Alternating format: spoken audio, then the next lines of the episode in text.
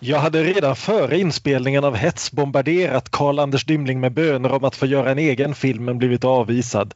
Plötsligt skickade han med en dansk pjäs. Den heter Moderdyret och var skriven av Leck Fischer. Dymling lovade mig att jag skulle få regissera om jag kunde få skriva ett bra manuskript på detta storslagna pekoral. Jag var vild av lycka och skrev på nätterna ett scenario i rasande fart. Jag tvang sedan bearbeta manuskriptet ett par gånger innan det bestämdes att jag sommaren 1945 skulle få göra filmen. Efter framgången med Hets döptes den till Kris. Det visade sig vara ett passande namn. Den första inspelningsdagen minns jag fortfarande som en ofattbar fasa. Jag visste i teorin precis vad jag ville göra. I praktiken gick allt åt helvete.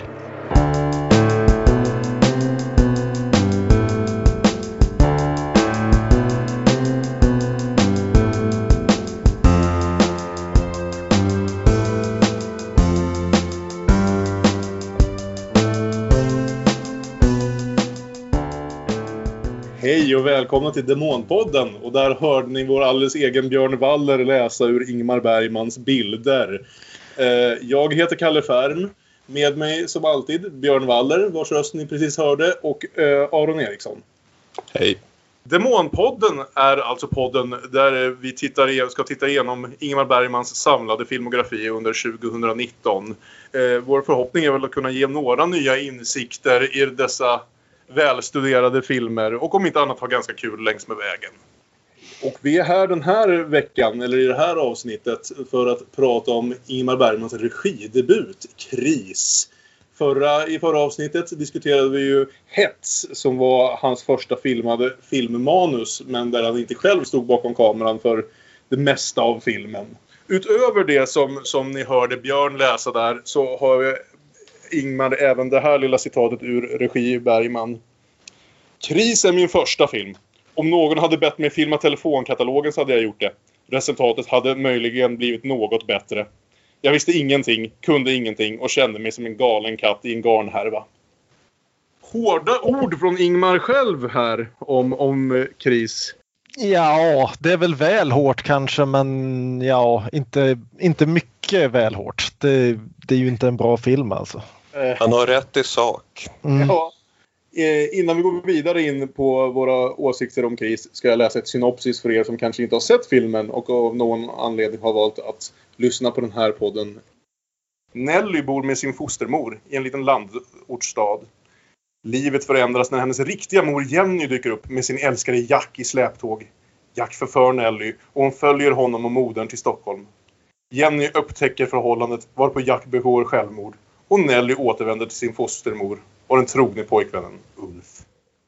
Fram till att som sagt Nelly lämnar stan hade jag ganska kul med det här. Jag satt och smålog lite för mig själv. Det som var liksom underhållande tyckte jag var underhållande på riktigt. Och det som var så totalt överdramatiskt var ganska underhållande på det sättet och så vidare.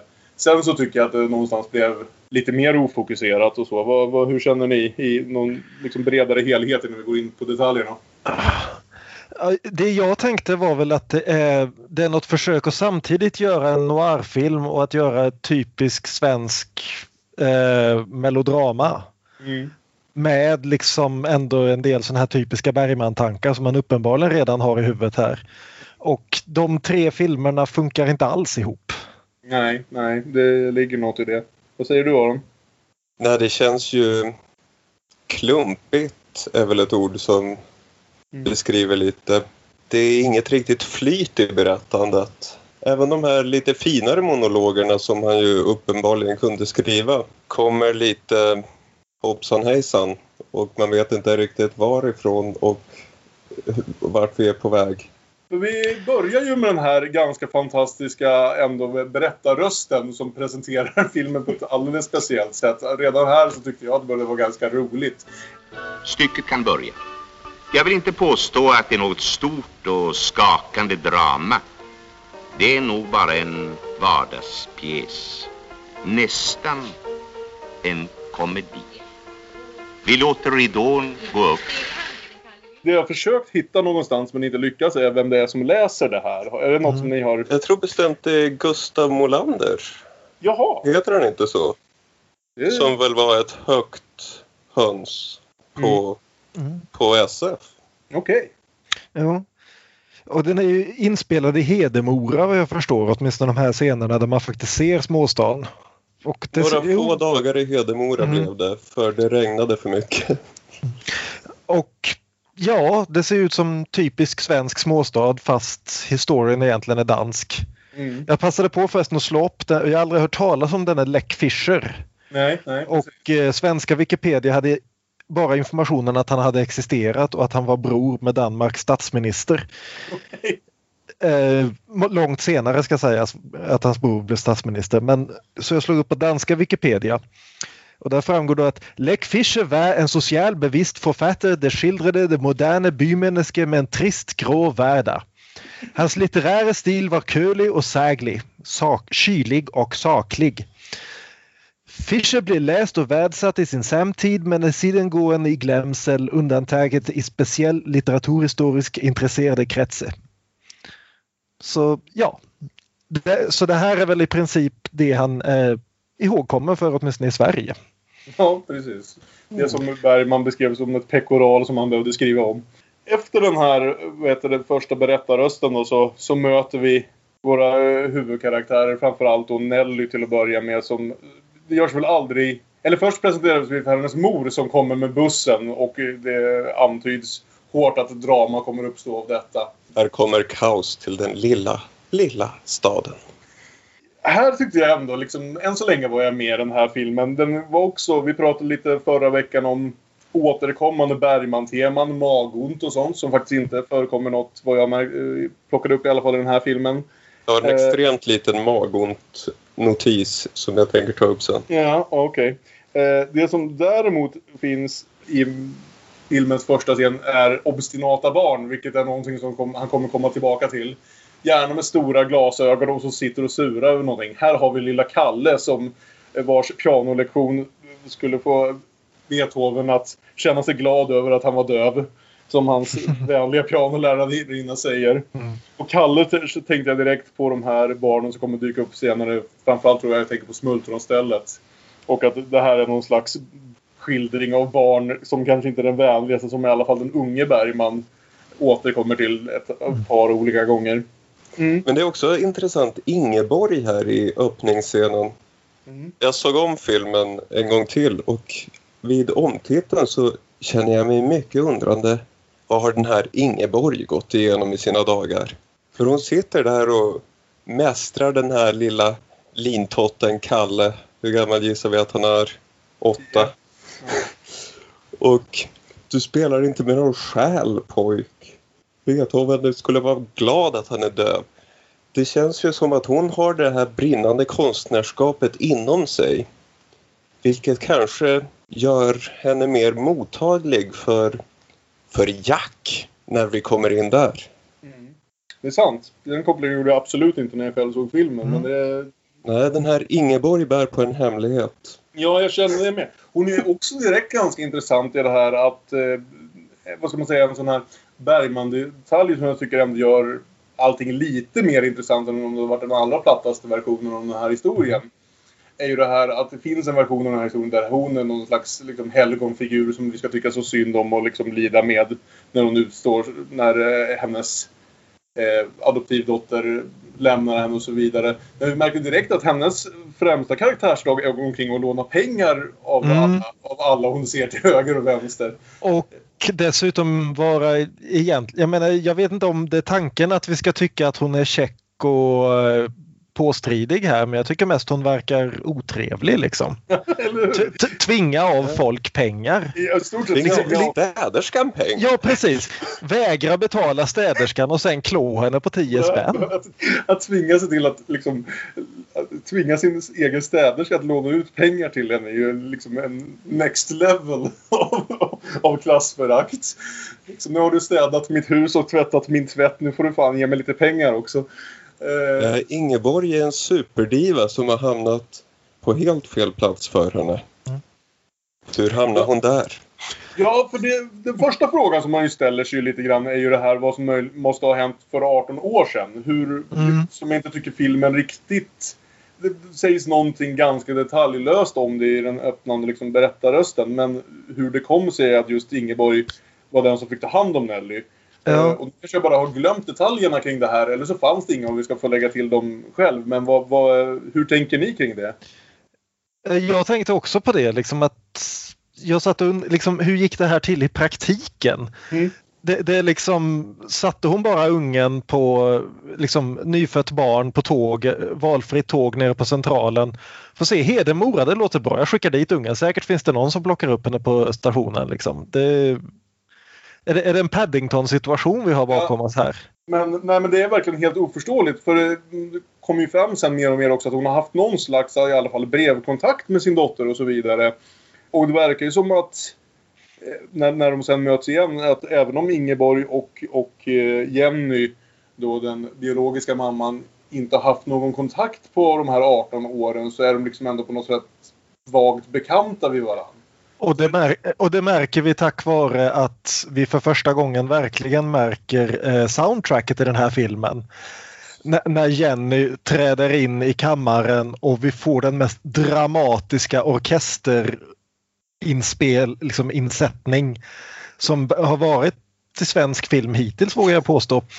Eh, och Ingeborg vänder sig och säger ja så är det ni. Ja? Ja, så är det ni. Välkommen. Och det, Ja, alltså, jag tycker överhuvudtaget nu när jag tänker tillbaka på den att den här filmen har liksom enstaka ögonblick, enstaka scener och sådär som kanske inte nödvändigtvis är jättebra men definitivt underhållande medan man tittar på dem. Och sen så är det bara att det liksom inte har pusslats ihop särskilt väl. Det skapar inte någon liksom sammanhängande historia på ett sätt som gör att den känns särskilt påverkande. Men, men stund för stund så hade jag liksom hade jag ändå ganska kul med det här och det var väl en av de sakerna som vi, som vi ville komma fram till lite med det här att Bergman kan vara ganska kul att, att hålla på med på det här sättet. Sen så kort efter det här, jag vet inte om ni har något mer innan det, så möter vi väl då Jack som Bergman gör väldigt klar i regi Bergman är hans huvudsakliga fokus. Det, det- den karaktären som faktiskt intresserar honom. Också den karaktären som, om jag förstår det rätt, inte särskilt... Inte har någon direkt parallell i, i pjäsen som filmen är baserad på. Utan som i stort sett är ett, ett Bergmans snickeri. Jag tror till och med att han beskrev det som att han... Jack var en karaktär från ett manus som, aldrig, som han hade skrivit som aldrig blev något. Men att han helt enkelt ryckte den här karaktären ur det andra skrotade manuset och stoppade in honom här istället för att han skulle få liksom lite liv. För att, han, för att han gillade karaktären, han ville ge honom liv någon annanstans och också för att det var hans egen intressepunkt för att eh, pjäsen som så var ingenting Bergman hade valt själv utan den hade i stort sett givits till honom av SF som hade sagt gör, en- gör en film på det här. Och det märks ju också att Jack är liksom Bergman-karaktären i det här. För han är ju full, han är helt och hållet fel film. Det, det är lite grann, jag såg om eh, Big Lebowski för några dagar sedan också. Och jag får samma känsla här fast det är inte medvetet, nämligen att det här är en film, en film noir där en massa människor har drullat in från en annan film och inte är medvetna om att de är i en film noir. Och Jack är ju definitivt liksom på besök från en framtida Bergman-film fast inte lika välskriven än. Nej. Och hamnat helt tokigt. Men han är intressant på så vis alltså. Ja, alltså det, det är det som händer det här. Att det finns ett par liksom intressanta situationer, ett par intressanta karaktärer, en del, en del bra skådespel. Eh, och, och som sagt, Stig Olin som Jack här. Som dessutom väljer att uttala sitt eget namn med så kraftig amerikansk dialekt. Jack! Så jag trodde han sa att han hette Gert i början. Jag var väldigt förvirrad en bra stund. Men, men Stig Olin tycker jag gör, gör det mesta av den här rollen. Han har ju valt att vrida ur varenda litet ord han får. Och det är också ganska eh, talande att där filmen där filmen tappade mig är ju någonstans i den andra tredjedelen där, där vi inte träffar Jack på ett bra tag och istället fo- fokuserar på Ingeborg i sådär en kvart, 20 minuter.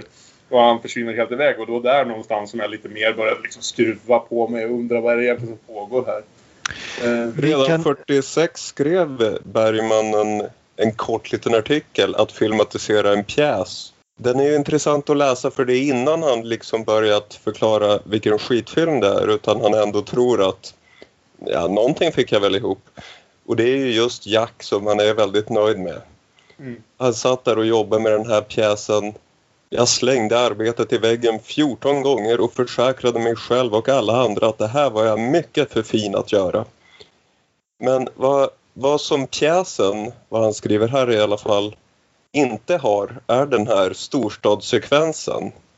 Mm. Det är Nelly i småstad och Nelly kommer tillbaka till småstad. Vi får inte se storstadsvistelsen.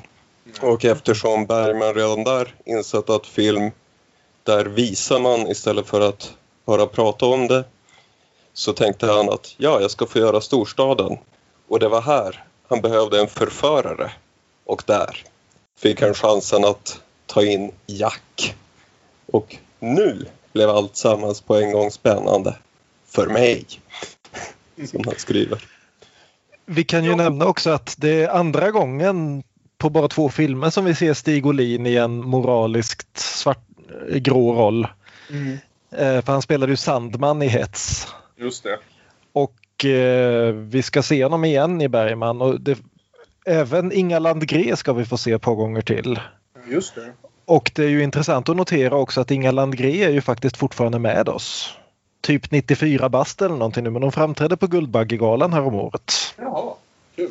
Vi hoppade lite runt som man gör när man inte riktigt har en film eh, liksom ned, nedskriven scen för scen bredvid sig. Men vi har ju glömt att de har presenterat för mig filmens allra svagaste kort. Nämligen Uffe! Uffe! Jag Uffe. prata Så- lite om Uffe. Uffe är i 40-årsåldern och har, får se om jag hittar citatet här, väntat på Nelly sedan du var en liten jänta. Det är faktiskt att Uffe någonstans ska vara liksom den som, som på något sätt är rätt person för Nelly i den här filmens eh, bild av det hela. Att när hon väl har haft sin lilla bad boy season i Stockholm och Jack har tagit livet och så här. Så är det Uffe som ska stå där och liksom ordna upp allt det här. Det är så jävla vidrigt. Alltså allt Uffe gör i den här filmen bara slår mig Jävla Uffe satt jag och muttrade för mig själv ganska många gånger. Uffe är fruktansvärd jävla gubbe som går omkring och eh, borde vara den här filmens Mm. egentliga skurk. Men på något sätt har liksom tvingat sig till en hjälteroll i den här filmen. Precis som han tvingar till sig en roll i Nellys liv. Det, Jag, jag, jag tror det är Leck Fischer som har tvingat på honom den här hjälterollen och Bergman är ju direkt tveksam till den. Alltså för han, Ja. Vi har ju den här dialogen mellan honom och Ingeborg om att han ska bjuda Nelly på dansen. Mm. Och Uffe säger jag tänkte paxa för henne. Och Ingeborg svarar och ha henne i exempel Karar är i alla fall en obegåvade individer. Men sen kommer vi då till den här balen som den första kvart, 20 minuterna av filmen har byggt upp oss till. Nelly ska gå på bal. Hon har fått två olika klänningar. En av hennes biologiska mor och en av hennes eh, adoptivmor som hon har växt upp med. Och eh, den som då hennes biologiska mor har skickat i förväg från storstan är ju mycket dyrare och finare än den som Eh, Nelly, som Ingeborg då, Nellys adoptivmor, har lånat ihop till från varenda människa oavsett om de vill låna pengar till henne eller inte. Eh, Nelly väljer att gå till balen i den här finare klänningen från storstan och där möter hon ju hon möter väl aldrig riktigt sin biologiska mor där men hon är på samma fest. Men hon möter i alla fall Jack. Eh, Som bjuder henne på en drink som heter Jack the Rippers aftonsång. Jag ska få smaka på en god soppa med flicka lilla. Jag blandar den själv innan jag får hit ser du. Den heter Jack the Rippers aftonsång. Andra delen. som ni visar är hemblandad. Om inte hembränd. Eh, och jag säger så här att jag tycker någonstans att hela den här balsekvensen från att eh, de, de dyker upp på den här festen och alla börjar dansa vals till Strauss för att det är vad borgmästaren vill dansa. Och hela vägen igenom liksom den natten som följer. Det är den mest lyckade sekvensen i filmen för mig. Här hade jag kul. Här tyckte jag att det här, det här kan bli någonting. Vi får se vart det tar vägen sen. Men Ja, ja. Alltså jag, jag älskade den scenen ska jag säga. Ja. Jag, jag satt och tänkte på Milos Formans tidigare filmer där. Va, va, Ja, vad men- heter den? Det, bri- det brinner min sköna. Ja, just den här krocken mellan de här äldre generationen som dansar till Strauss och har perfekta kostymer på sig och har jättetråkigt. Och dessutom då filmat från uppe i taket halvt dolt av eh, takkronan. och sen över till ungarna i andra rummet som plötsligt börjar spela boogie-woogie och supa sig fulla. Det, det är enormt snyggt faktiskt. Ja, jag gillade helt... Här hade jag faktiskt lite hopp. Hela vägen tills Uffe eh, tvingar ut Jack i sjön. Vilket också är en ganska fin... ja. Ja, Jack är ju något av behållningen precis som Bergman insisterade. Och det är fint hur han samlar ungdomarna runt sig som den här råttfångaren. Och hur han glatt triumferar. Sen tar Nelly åt sidan. Vem satte de här marionetterna i rörelse? Det var jag! Vet du vem som satte igång dem då? Det är jag!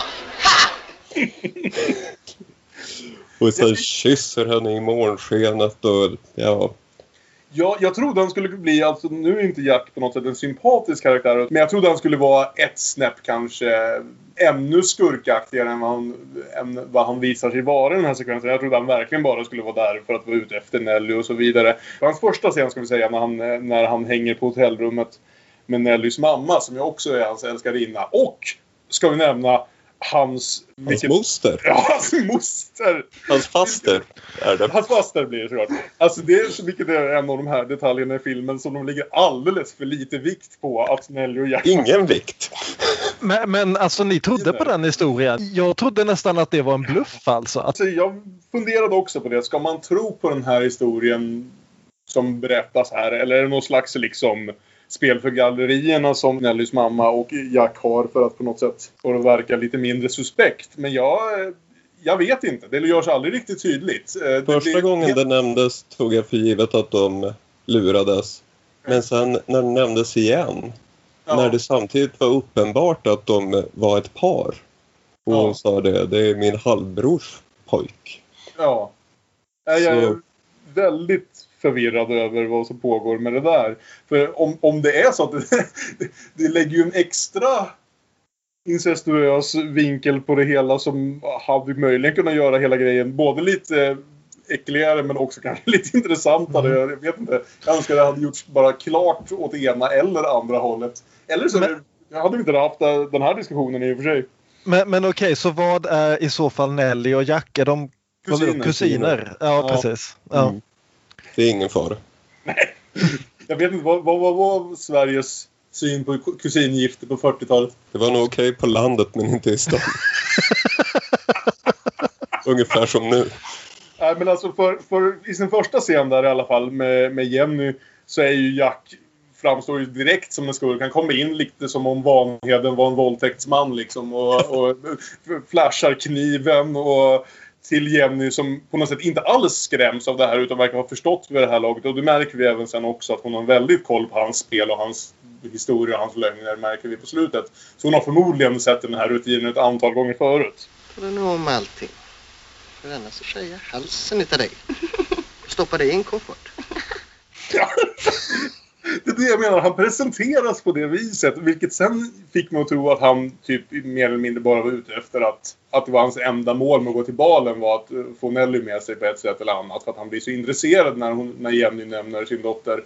Men sen så får han ju ändå igång liksom hela festen först. När han träffar den här väldigt fulle mannen som bjuds på Jack the Rippers månskens, vad det nu var. Så jag bara antog när man såg den här personen att de bara skulle skjutsa, eh, liksom schasa iväg honom på att ha Nelly för sig själv. Men nej, han bjuder in honom till festen. De står och dricker en bra stund. Han är liksom inte helt fokuserad på Nelly på det sättet som om han hade varit en ren skurkfigur hade varit. Alltså hur han presenteras först ger inte riktigt rättvisa för hur han, hur han sen liksom utvecklas. Och där, det var nog därför jag också uppskattade verkligen den här balsekvensen. Den visade att det var något lite mer som pågick här. I, alla fall med just den karaktären som uppenbarligen var Bergmans egen favorit. Det är också intressant, han går på balen med Jenny. Mm. Men sen, ja, de sitter där och är lite fulla. Och han frågar, är det okej okay om jag går och dansar med din dotter? Och sen kommer han ju inte tillbaka till Jenny. Så... Också vid det här laget har De har inte ett kärleksfullt förhållande. Nej, det verkar vara ganska öppet skulle jag vilja påstå. Och det, det är helt otroligt att filmen på något sätt slutar med att man ska tro på att eh, Jenny chockeras av vad- att de håller på bakom ryggen på henne. När det känns som att det borde väl ha varit uppenbart från allra första stund efter, efter vad som försiggår på balen. Men hur som helst så kommer vi ifrån balen sen efter Ja. att eh, Uffe har kastat Jack i sjön två gånger. I en Eh. nattsekvens som ser ut som dag. Ja, men, men å andra sidan det utspelar sig mitt i sommaren och det är i Hedemora så det är typ en halvtimmas mörker om natten. Ja, Så när, de ligger, så när de ligger där och hå- hånglar på stranden så gissar jag att klockan är typ fyra på morgonen. Ja. Och sen så Uffe marscherar hem henne och slutshamear skiten ur henne. Och sen så har vi den här jättekonstiga sekvensen där jag verkligen började ana oråd om den här filmen. Där alltså Nelly först är jätteglad att komma hem och kryper upp i Mottis knä och förklarar att hon aldrig, aldrig någonsin vill åka ifrån Motti. Och sen så får vi höra voiceovern säga att och ryktena spreds på bygden om det fruktansvärda levernet på kaféerna eller hur det nu var. Ja. Och i nästa scen så vill Nelly inget hellre än att komma bort från byn. Kaffepannorna kom på i de små husen utefter Östra Ågatan. Det hade hänt någonting förfärligt på balen. Det var någonting, någonting om ett par främmande ansikten, en, en vanvettig lössläppt dans. Och så hade det hänt någonting med fröken Jonssons Nelly. Någonting hemskt och oförklarligt. Och det skulle sannerligen inte bli så roligt för stackars Nelly att gå kvar i stan efter den skandalen. Jag kommer inte ihåg här nu. Det, de har ingen, hon har ingen ytterligare konfrontation med Uffe efter det som hände där på natten. För jag, jag tycker Nej. Det tydligt att det var Uffe som skrämde henne från stan med sitt jäkla sätt att bete sig. Vilket också fick mig börja hoppas på att Uffe inte i slutändan skulle vara, vara någon hjältefigur här. Nej, men för det är efter det som hon först säger åt Mutti att jag vill absolut aldrig någonsin åka ifrån dig och verkar vara jättenöjd med att vara där hon är. Även om hon är full. Och sen så träffar hon sin biologiska mor för första gången och sen så vill hon inget hellre än att komma därifrån. Hur karaktärernas liksom, motivationer och tankar förändras är också väldigt... eh, Men, ska man liksom ta det som att det blev en massa skvaller som vi aldrig fick se faktiskt filmat utan Ja. bara berättat av berättarrösten och då Vi fick ju se en del skvaller. Men det är liksom... Det, Hon som bor på vinden är det mormorn. När hon är Ja, ute och slänger soporna så ser man hur historien viskas runt och blir större och större. Men samtidigt så får vi sen i nästa voiceover höra att så fort hon har åkt därifrån så glömmer alla i Hedemora avet igen. Så alltså, jag Ja. antar att det vi ska ta är att hon liksom blev så slutshamead av skvallret på stan att hon helt plötsligt väljer att åka, åka till storstan istället. Jag tycker inte det säljs av liksom det som karaktärerna faktiskt säger eller spelar. Ja, nej, det, jag håller med. Det här liksom... Fram till den här punkten, ungefär vadå, en tredjedel genom filmen, var jag helt med den. Och här så direkt som Nelly bestämmer sig för att åka till storstan så skulle jag säga att det, det går lite utför. Eh, och så, och, så får vi, och så ska vi etablera så att vi är i Stockholm. Och då får vi en två sekunders bild av tågen som kör från centralen mot söder. Och sen så är vi tillbaka i samma studioshot som överallt annars. Det, det är en sån här grej som jag verkligen störde mig på den här filmen att allt är så väldigt uppenbart inspelade i samma två, tre studiorum. Och du, du, du förväntas åka från landsorten till Stockholm och det ska vara en stor skillnad mellan de två orterna. Men ingen av dem är någonsin något annat än bara en, en snabb etableringsshot och sen så är allting kulisser igen. Det, det blir aldrig någon skillnad på energin i storstan. Vi, vi får aldrig träffa några andra människor för, utöver eh, de här tre, fyra stycken huvudpersonerna. Det är här man känner, där känner att det är en pjäs ändå. Liksom. Ja, precis, precis. Eh, Men att just den här storstaden inte fanns med i pjäsen. När jag läste det så blev jag förvånad för det, jag håller med, det känns ju väldigt likartat. Mm. Jag ska säga det att innan vi faktiskt kommer till storstan så spenderar vi vad som förmodligen bara en 10 minuter, en kvart i sen tid men som kändes som en jäkla evighet med Ingeborg när hon är ledsen hemma i Hedemora och blir sjukare och sjukare. Vi ska bygga upp mer och mer sympatier för den här stackars eh, människan som aldrig hade kunnat ana att hennes dotter skulle vilja hitta på någonting annat med sitt liv när hon, när hon väl blev vuxen. Eh, Hon kunde vänta tills hon hade dött. Det är hennes enda argument. Ja, grejen är att hon har ju inte berättat för henne att det faktum att hon ska dö är relativt nära förestående. Så det hur ska hon på något sätt veta hur lång den väntan förväntas vara? Mm. Det hon egentligen menar är att hon vill kunna pimpa ut henne till Uffe så hon stannar i Hedemora och bor på vinden i resten, eh, resten av hennes dagar. Återigen tror jag att Ingeborg har sett det svåra i livet och därför är väldigt beskyddande. Vad har Ingeborg gått igenom? Det är frågan som, Ingeborg som vi alla skriver fanfic om. Ja, precis. X-rated. How, could, how can there be fanfic if there aren't any fans? ja, har ni något att säga till om den här Ingeborgs Hedemora-sekvens innan vi faktiskt tar oss till Stockholm? Jag har knappt någonting att säga till om vare sig det eller om Stockholm. För det, det, det händer liksom nästan ingenting i de här scenerna. Nej.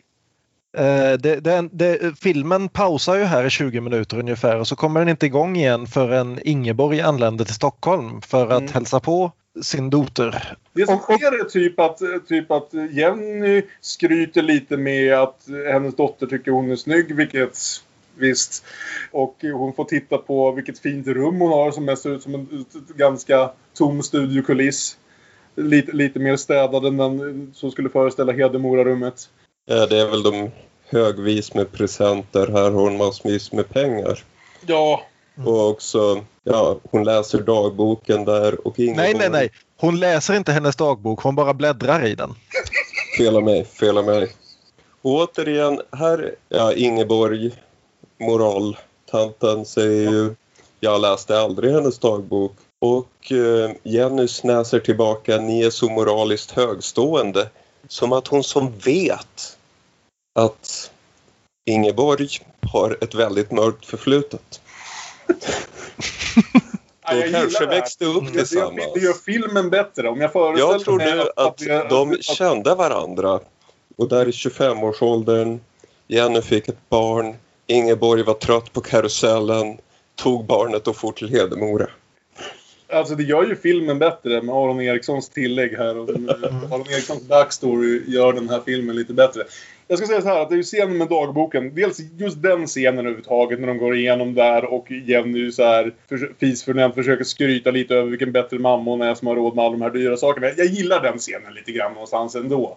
Sam, samtidigt som det ju inte liksom hjälper Ingeborgs syn av att, att Nelly borde återvända till Hedemora bara för att för att. För att man inte ska ha fina saker och man ska inte vara... Alltså det finns absolut ett klassperspektiv här och det är klart att det är ett jävla skrytande som pågår. Men det är också inte så här som att Nelly verkar, av det vi ser här, att bortsett från att hennes mamma läser hennes dagbok så verkar hon ju inte horribelt felbehandlad.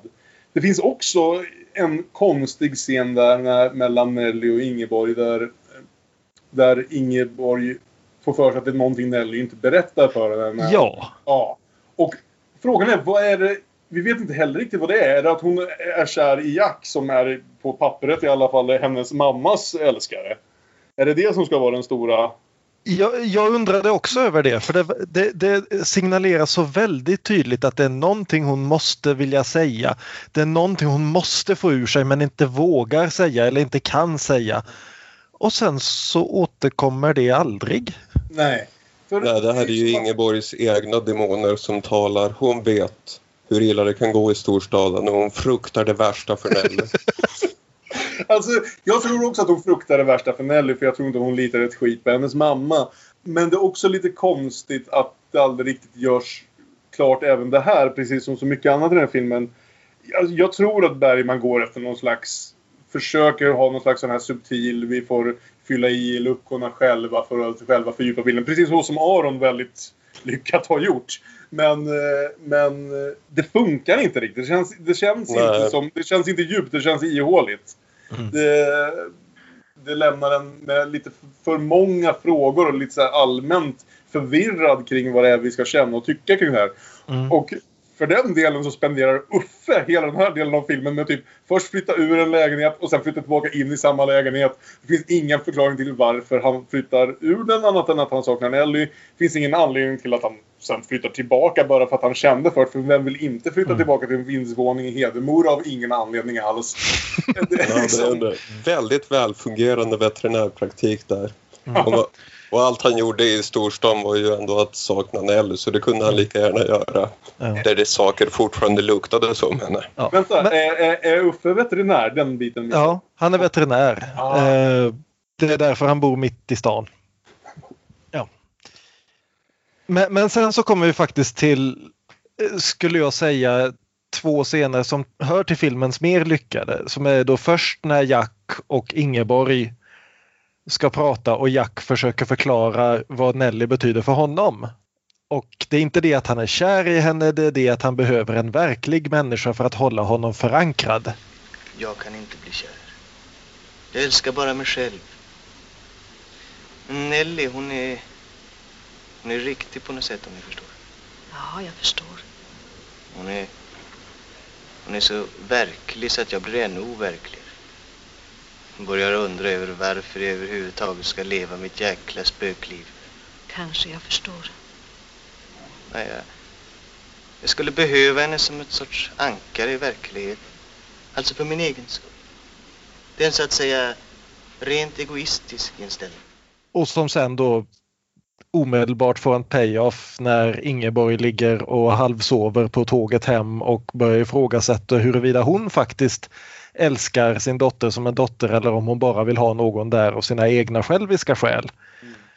Som är sådana här teman, det, det känns i alla fall Bergmanskt. Ja. Det är inte speciellt väl liksom genomtänkt men det finns i alla fall där. Ja, Och, och hela, hela den här mardrömssekvensen på tåget är faktiskt helt okej tycker jag. Ja, det är ytterligare vår andra mardrömssekvens efter Mm. hets. Som sagt, mardrömssekvenser. Ytterligare ett av de här återkommande Bergman-temana. Mm. Sen så kan jag tycka att det punkteras lite av den här extremt rasistiska repliken. Ja. Som kommer från hennes medresenär. Jag tänker inte ens ta orden i min mun. Men alltså hennes medresenär när Ingeborg bryter ihop under sin mardröm på tåget. Väcker henne med jag antar att det ska vara lite skojfriskt men något av det värsta jag har hört sägas rätt ut. Som verkligen inte Ja. kommer från någonstans och har med någonting att göra alls. Oh, Det är bara, ja. Det är dock här jag har en liten magreferens. Och jag håller med Björn. Det, det är en väldigt fin scen för att vara den här filmen. Det är relativt lyckat det här samtalet. Och igen, Ingeborg känner väldigt snabbt igen sig i Jacks ord om att vara inkapabel att älska och vara totalt egoistisk. Mm. Hon drömmer om det på tåget, vaknar med att skrika jag vill inte vara död, jag vill inte vara död. Och hennes medresenärer tröstar henne du har nog bara ätit något olämpligt. Ja, Demonerna sitter i magen. Det förstår medresenärerna. Bra Aron. Ska vi se om vi, om vi Dun, hittar det här rätt igenom. Veckans magbesvär. Vi borde göra en jingel. Ja, kanske det. Ja, men jag, håller, men jag håller med om det som har sagts här. Alltså den där scenen mellan, mellan Jack och Ingeborg är väl kanske liksom höjdpunkten i den andra halvan av filmen. Den fungerar halvt i alla fall. Ja. Eh, och sen så når vi då slutet eh, i stort sett, eller i alla fall slutsekvensen. Jack och Nelly ligger till slut äntligen efter att han har av någon anledning jag förstår inte Bergmans syn på kvinnlig psykologi här. Men Jag, jag, jag, jag, skrev, jag förkortade replikskiftet där lite grann. Gör det. Ja, återberätta. Eh, eh, Nelly säger vi älskar inte varandra. Jack säger jag har mördat en kvinna och ångrar mig inte. Nelly säger ja men då så. Helt jävla absurt! Det är den konstigaste...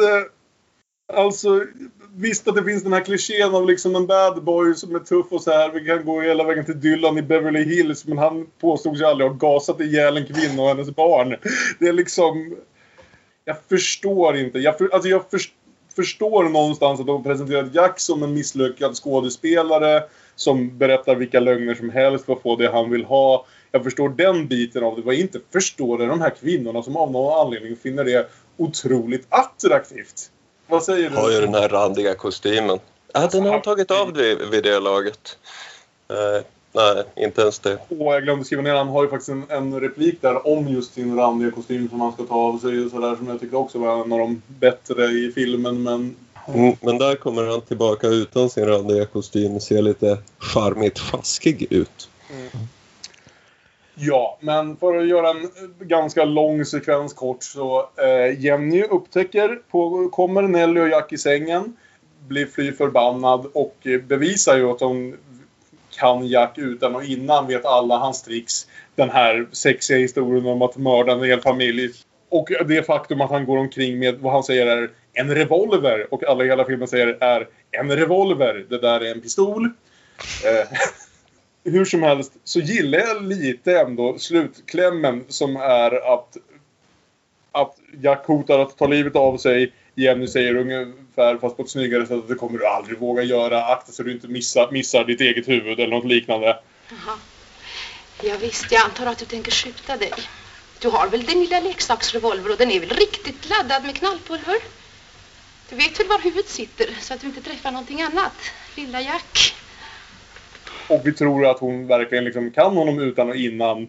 Hon har verkligen, she's got, got him down pat. Varpå han går ut på gatan och skjuter sig själv i huvudet. Konstigt Med två skott. Det är exakt vad jag tänkte komma fram till. Det är också fint hur hans- hans avskedsfras är. Nej, du har rätt. Jag skulle aldrig våga. Det är bra. Men, men det, det, det känns ju ändå som en liten Bergman-grej just det här att hans demoner är både verkliga och en självbild. Liksom. Mm. Att, att han, har hakat, han har spelat sig själv så länge att han har glömt att alltihopa är sant. Mm. Jag, jag var lite förvirrad där just ska vi tro på honom eller inte men ja, jag tycker ändå det funkar Jag, hjälpligt. jag gillar hela, konfrontation- jag gillar hela den sista konfrontationen. Alltså allt Mm. från att Jenny, Jenny upptäcker om vilket leder till hennes monolog som jag tycker om ganska, väldigt mycket. Jag tycker även, nu har jag tappat namnet på skådespelerskan, men jag har det här. Eh, Marianne Lövgren som spelar Jenny. Jag tycker hon är väldigt bra i den scenen. Eh, Mm.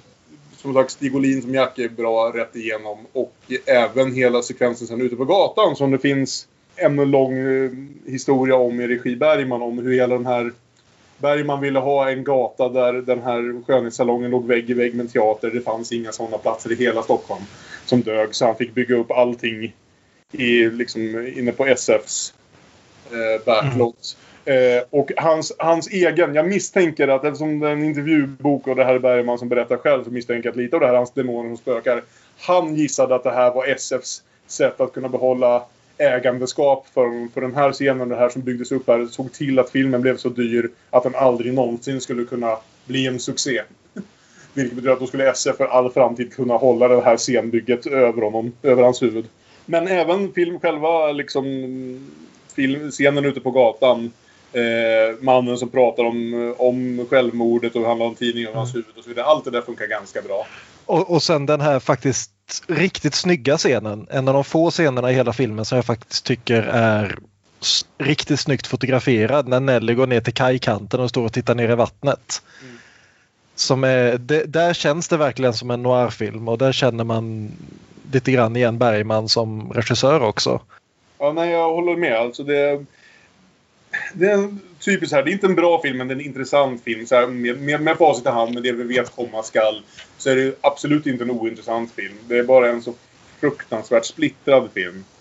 Eh, vi är ju på slutet nu och det är här någonstans jag började inse problemet med filmen är det faktum att Nelly är huvudpersonen men också den minst intressanta karaktären i hela grejen. Hon är bara verkligen liksom Ja, men hon, har, hon har bokstavligt talat sin roll att spela. Hon ska reagera så här på vad de in, intressantare karaktärerna håller på med för något. Hon tillåts aldrig riktigt liksom leva ut. Hon är väl den enda som inte har någon längre monolog om sitt inre känsloliv och så vidare. Utan hon bara får reagera på alla andra hela tiden. Och ändå ska vi på något sätt förväntas bry oss om det på slutet. Efter att Jack tar livet av sig åker Nelly hem till mamma igen. Eh, träffar Uffe håller fortfarande Uffe lite på halsen men det antyds kraftigt att den stora kärleken kommer vinna. Nelly och Uffe kommer gå och leva sina, leva sina liv i Hedemora dagarna ut. Om inte det är en tragedi så även om då, filmen börjar med att berättarrösten säger att det här är en komedi upp av något slag. Nästan en komedi. Nästan en komedi. Men det tar mig fan en tragedi. Inte för att Jack tar livet av sig. Utan för att Nelly och Uffe ska leva sina tråkiga veterinärliv i Hedemora med en karl som uppenbarligen inte gör någonting för henne överhuvudtaget. Utan bara har tvingat henne sedan hon var... Eller Mm. påpekat för henne dag efter dag sedan hon var åtta bast att du ska gifta dig med mig. Och att hon fortfarande inte har fått veta att hennes sanna mor är döende. Det liksom försvinner helt där. Det är någon Nej, det, det kommer ju faktiskt tillbaka i absolut sista replikskiftet i filmen. Ganska snyggt faktiskt ändå tycker jag. När eh, Ingeborg går över, hon tar en genväg över kyrkogården. Och där sitter då hennes cancerläkare, eller ja, by, byns enda läkare får man väl anta. Eh, och frågar hur hon mår. Hon säger jag mår mycket bättre. Och eh, så tittar hon ut över kyrkogården och så säger hon det är en så bra genväg det här och så fortsätter hon ut på gatan. Det är liksom, ja livet är en genväg till döden. Det... Ingeborg, hon eh, har sett mycket. Så, så det finns liksom... She's seen things you wouldn't believe. Eh, Åh herregud. Ja, nej, så i slutändan, det finns en trio intressanta karaktärer i den här filmen tycker jag. Vi har både Jenny, vi har, vad heter det, Jack och vi har Ingeborg som jag kanske inte jämt var sådär jätteinspirerad av. man får läsa lite mellan raderna för Ja, att få fram Aron har Ingeborgs... definitivt väckt mitt intresse för Ingeborgs resa här.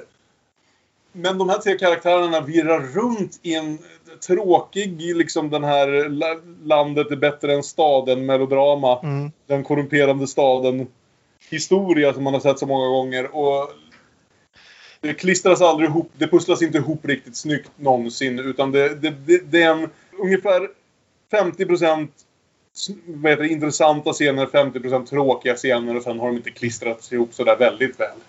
Nej, och, och jag tänker också det här liksom att Bergman har inte riktigt fått flytet på eh, och okej, Okej, vissa skulle kanske hävda att han aldrig kommer att få flytet på dialogskrivande sådär väldigt mycket. Utan han kommer alltid vara ganska beroende av liksom monologer och sånt där. Men här är det så extremt att nästan all dialog är, liksom all vardaglig dialog så att säga, är så väldigt platt. Och sen varje gång du ska etablera att en karaktär har ett visst problem eller har ett visst eh, komplex eller vad, vad det kan vara månde. Då får han en lång monolog rakt in i kameran och det är så väldigt teatraliskt och så väldigt det, det blir liksom transportsträcka, transportsträcka, monolog, transportsträcka, monolog. Men det var det Som- jag tyckte funkade också med tågstationsamtalet. Att där Jacks monolog om att jag kan inte älska blev också en dialog med Ja. Ingeborg. Mm. Så, Ja. Så en gång träffade han rätt. Mm. Det, Det blev det, finns, det finns bra scener i den. Det finns en hel del bra skådespel. Det finns en del bra monologer. Som sagt, det finns den här balsekvensen och det finns den där tågstationssekvensen.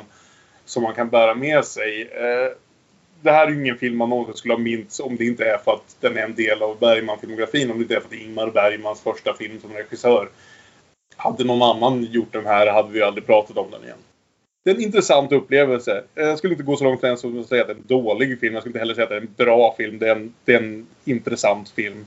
Som ändå varit kul att se om inte minst få, få ha det här samtalet. Eh, har ni några sista Jag skulle tankar? nog sträcka mig till att det är en dålig film. Jag skulle Men- säga en medi- medioker. Ja, liksom det, det, det finns enstaka saker här som antyder vad Bergman ska bli men det, antyder, det var egentligen tydligare i hets. ja, definitivt. Det, det, det liksom här framgår att om, man skulle utgå från de här två filmerna skulle man tro att Bergman blir nog en bra, bra manusförfattare men han ska hålla sig ifrån registolen. Man, man märker verkligen att det är ett ungdomsverk därför att han, eh, han skriver ju liksom i sina böcker om att han hade väldigt mycket problem just med det rent praktiska att regissera det här. Att han verkligen inte hade en aning om hur han, hur han skulle jobba ihop med studion, hur han skulle jobba ihop med eh, besättningen, hur han skulle jobba ihop med skådisarna. Och det märks så väldigt tydligt att allting här känns bara... Ja, det, det, återkommande i alla hans Ja. egna historier om det här Mm. och jag uppskattar väl någonstans när man läser regi Bergman och även i bilder är ju att man i efterhand med facit i hand är väldigt klarsynt om vilken skitstövel han verkar ha varit mot varenda människa Mm. bara på grund av sin egen osäkerhet. När filmerna blir de, när vi kommer till de mer välkända filmerna om sådär tio år, höll jag på att säga, inte tio år i vår tid utan om tio år i Bergmans tid. eh, så kommer vi även att dyka på en uppsjö sån här extra material och intervjuer och allt möjligt. Det ska bli intressant att se om när han blir en bättre regissör om han också blir en trevligare regissör eller om han fortsätter sin eh, valda metod av att skrika på allt som, som inte stämmer för honom.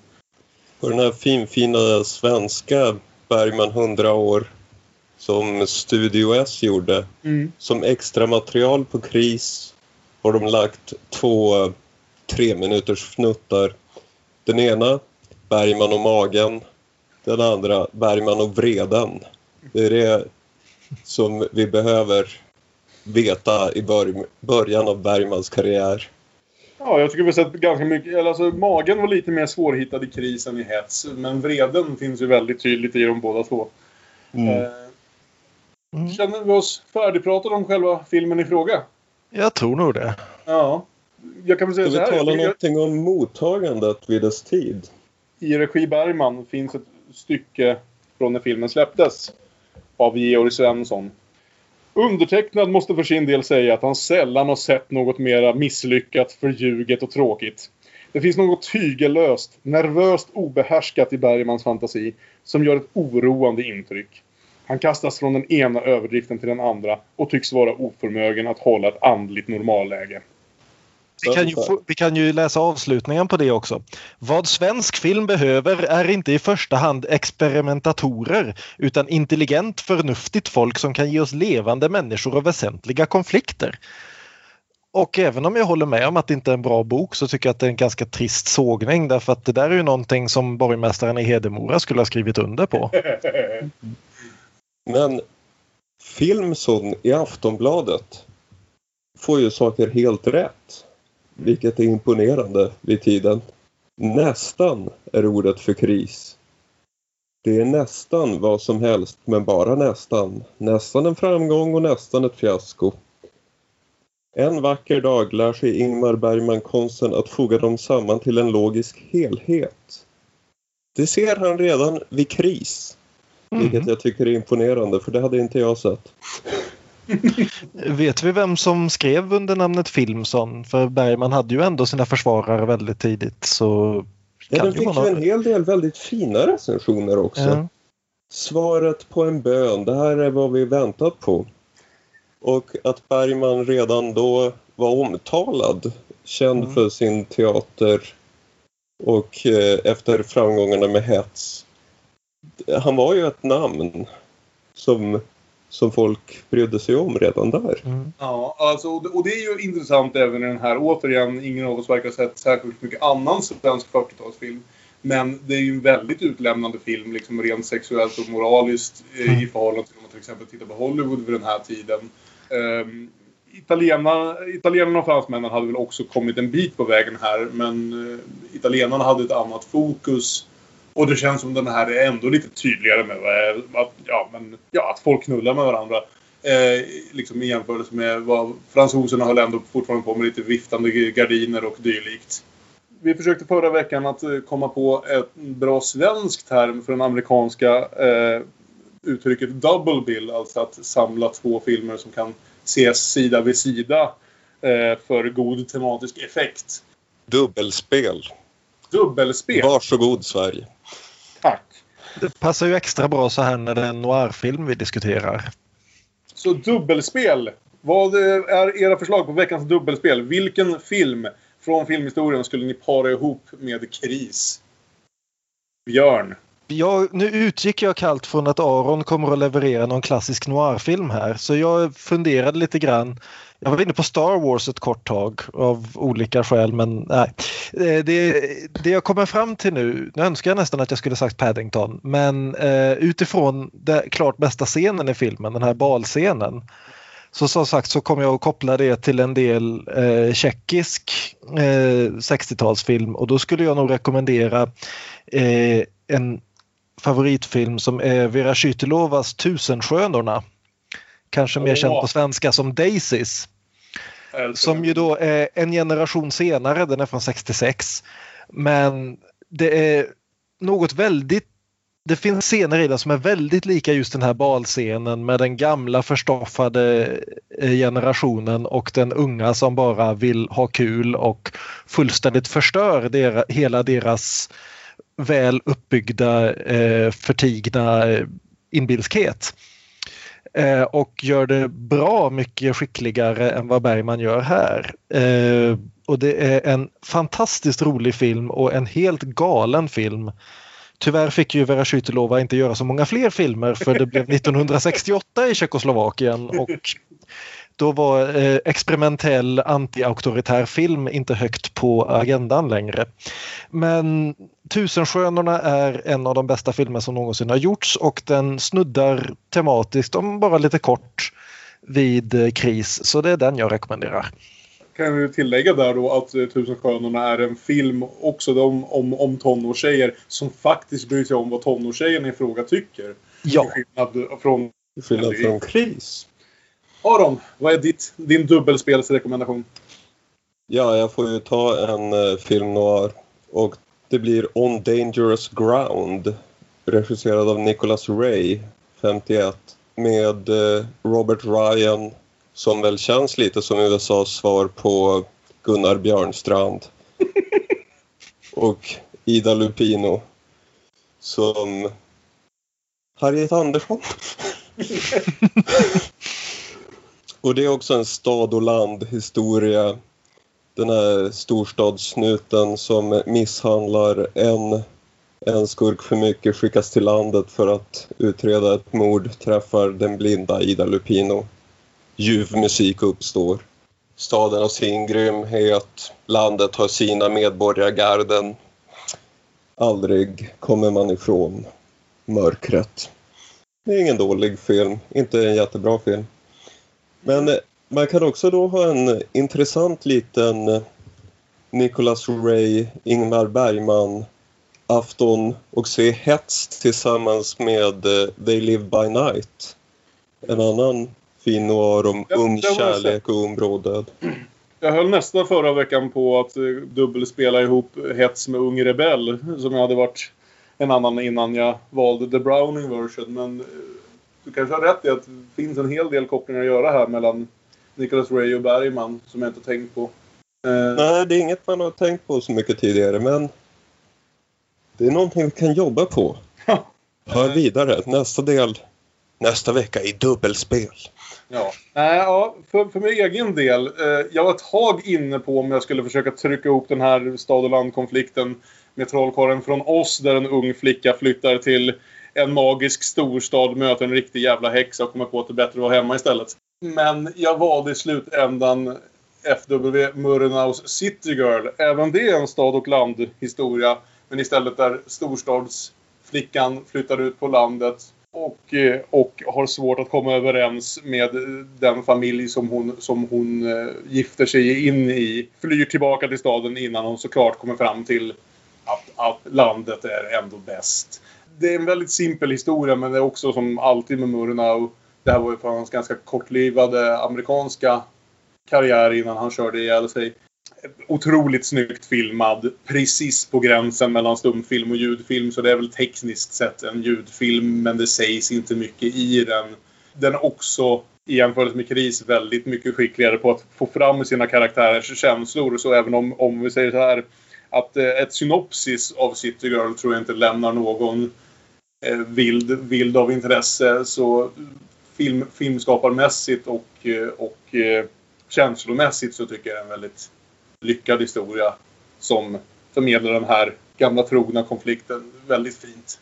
Det låter ju väldigt likt Sunrise. Man... Sunrise är ju också Murnau. Så ja. mm.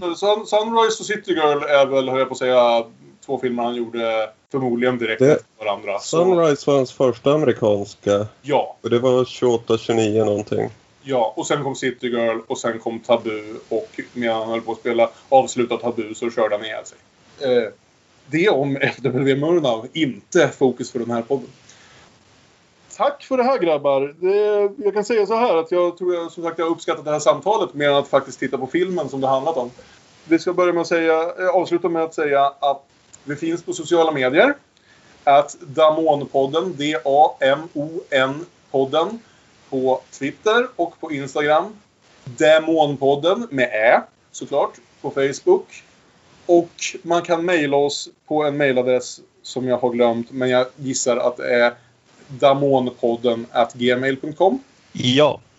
Om man vill mejla oss, om man har några frågor, om man har några åsikter, om det är något annat man tycker att vi ska veta. Även denna veckan har den omåttligt talangfulla Aron Eriksson skapat en låt tillägnad denna film. Eh, så vi kommer tacka för oss den här veckan. Vi är tillbaka nästa vecka när vi ska prata om att det regnar på vår kärlek. Ingmar Bergmans andra film som regissör. Eh, så ni får ha det gott tills vidare och njut av Arons musikaliska talang. Ha det fint. Hej då! Hej då! Mästaren älskar att dansa men det enda han kan dansa är vals. Nelly hon valsar och halsar och sjunger för full hals. Detta blir svårt.